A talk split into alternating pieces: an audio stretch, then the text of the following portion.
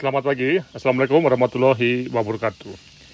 Sekarang kita sudah sampai pada sesi ke-6 yang terkait dengan misi dan visi lembaga kesehatan. Jadi saya berharap pada uh, sesi 1 sampai 5 Anda semua sudah memahami mengapa kita membutuhkan semacam pemikiran strategis, manajemen strategis dan juga tentunya untuk menulis rencana uh, strategik ya. Jadi lembaga untuk dapat uh, tidak hanya bertahan ya, tumbuh dan berkembang itu betul-betul harus berpikir uh, strategik dan mampu untuk menyusun uh, rencana strategik dan melaksanakan untuk kemudian memonitor ataupun mengevaluasi apakah strategi yang dipilih itu dapat memberikan dampak positif berupa uh, perkembangan dan pertumbuhan uh, lembaga yang sehat ya. Nah, ini yang sangat penting. Nah, oleh karena itu mulai sesi 6 kita akan masuk pada apa yang disebut uh, bagian awal dalam menyusun dokumen rencana strategik ya, atau kita sangat uh, ingat sekali bahwa manusia hidup ini satu patah ya itu ya atau kata-kata bijak ya harus tahu apa perannya dalam kehidupan. Nah itu sama dengan lembaga. Ketika lembaga seperti dinas kesehatan itu ada, tentunya akan ada pertanyaan besar ya. Mengapa lembaga itu ada? Mengapa dinas kesehatan itu ada? Atau mengapa rumah sakit itu ada? Jadi ini yang akan terkait dengan um, misi dan nanti juga kita akan bahas mengenai visi. Memang ada suatu uh, perdebatan ya atau perbedaan pandangan apakah kita nyusun misi dulu atau visi dulu. Nah ini yang menarik ya di dalam konteks lembaga-lembaga pemerintah tadi ada suatu pertanyaan lembaga itu ada untuk apa? Nah ini adalah suatu uh, pertanyaan yang harus dijawab dengan apa misi lembaga tadi. Ya apa misi lembaga pemerintah tadi? Tugas pokoknya apa? Mengapa lembaga itu diadakan?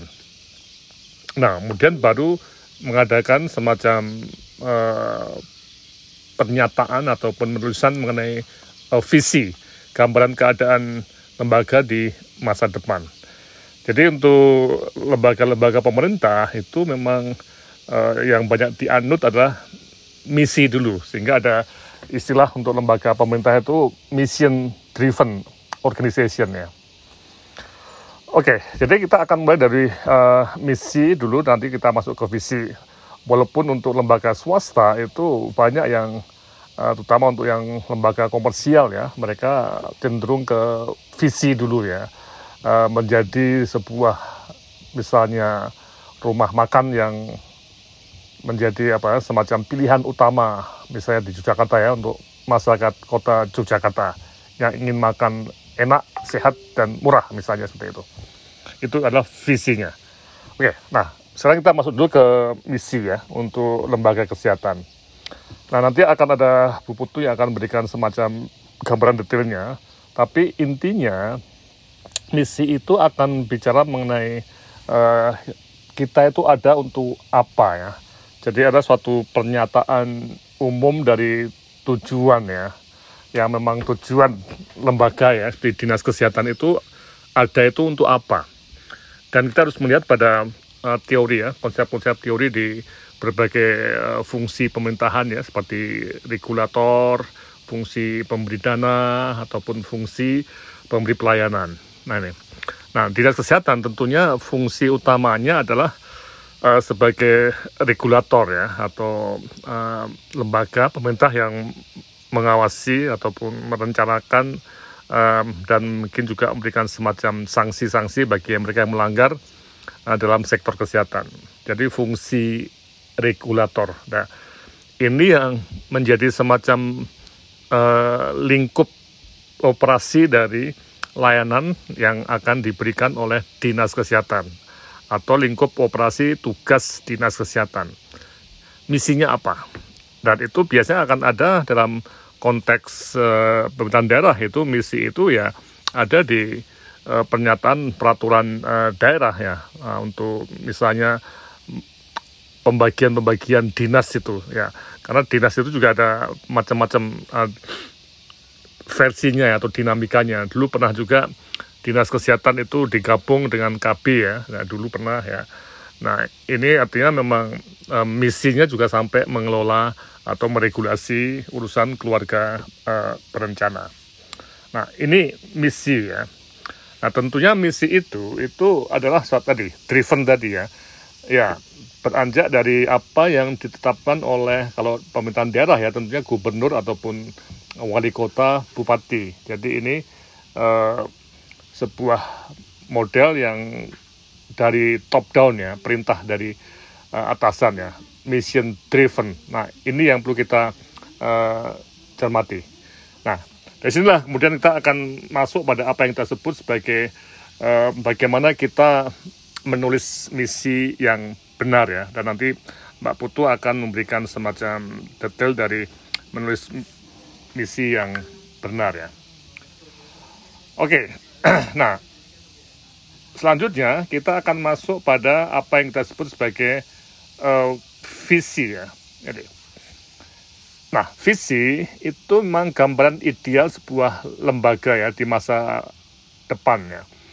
Misalnya visi sebuah rumah sakit pemerintah ini menjadi rumah sakit yang akan atau akan menjadi rujukan utama di Indonesia atau kalau berani di Asia Tenggara misalnya untuk uh, global uh, tourism tadi kita masuk ke regional tadi ya. Nah, jadi uh, visi itu dan itu bisa dibaca di uh, buku saya ya, di buku yang ada di uh, aspek strategik manajemen rumah sakit ya, itu ada di web di uh, www kebijakan kesehatan Indonesia.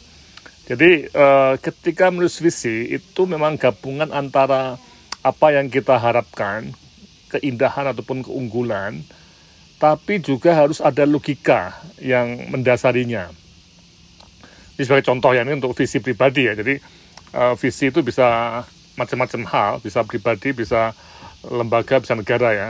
Misalnya saya usia 25 tahun ya.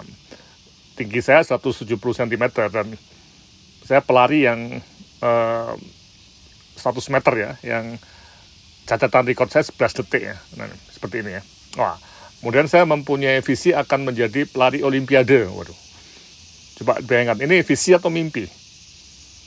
Karena Olimpiade itu harus di bawah 10 detik. Dan biasanya juga tinggi-tinggi sekali orang yang melari di Olimpiade tadi ya. Nah ini seperti ini ya bisa disebut sebagai visi, tapi dekat ke mimpi yang kadang-kadang mimpi itu tidak uh, rasional atau tidak, tidak logis. Ya. Tapi visi juga harus memberikan semacam harapan atau gairah untuk kehidupan lembaga.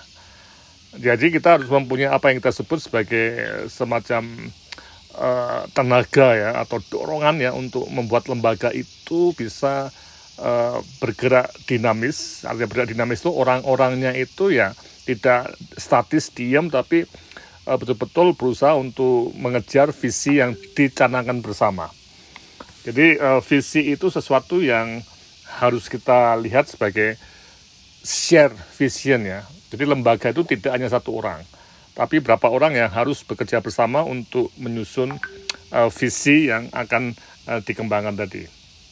Oke okay ya, jadi saya kira ini akan uh, jadi suatu hal yang menarik untuk nanti kita membuat semacam latihan-latihan menyusun uh, visi sebagai suatu harapan untuk masa depan yang harus sederhana, kemudian memberikan inspirasi, menantang dan juga sangat uh, relevan ya. Oke, saya kira ini yang bisa saya sampaikan untuk uh, podcast uh, sesi ke-6 dari mata kuliah ini.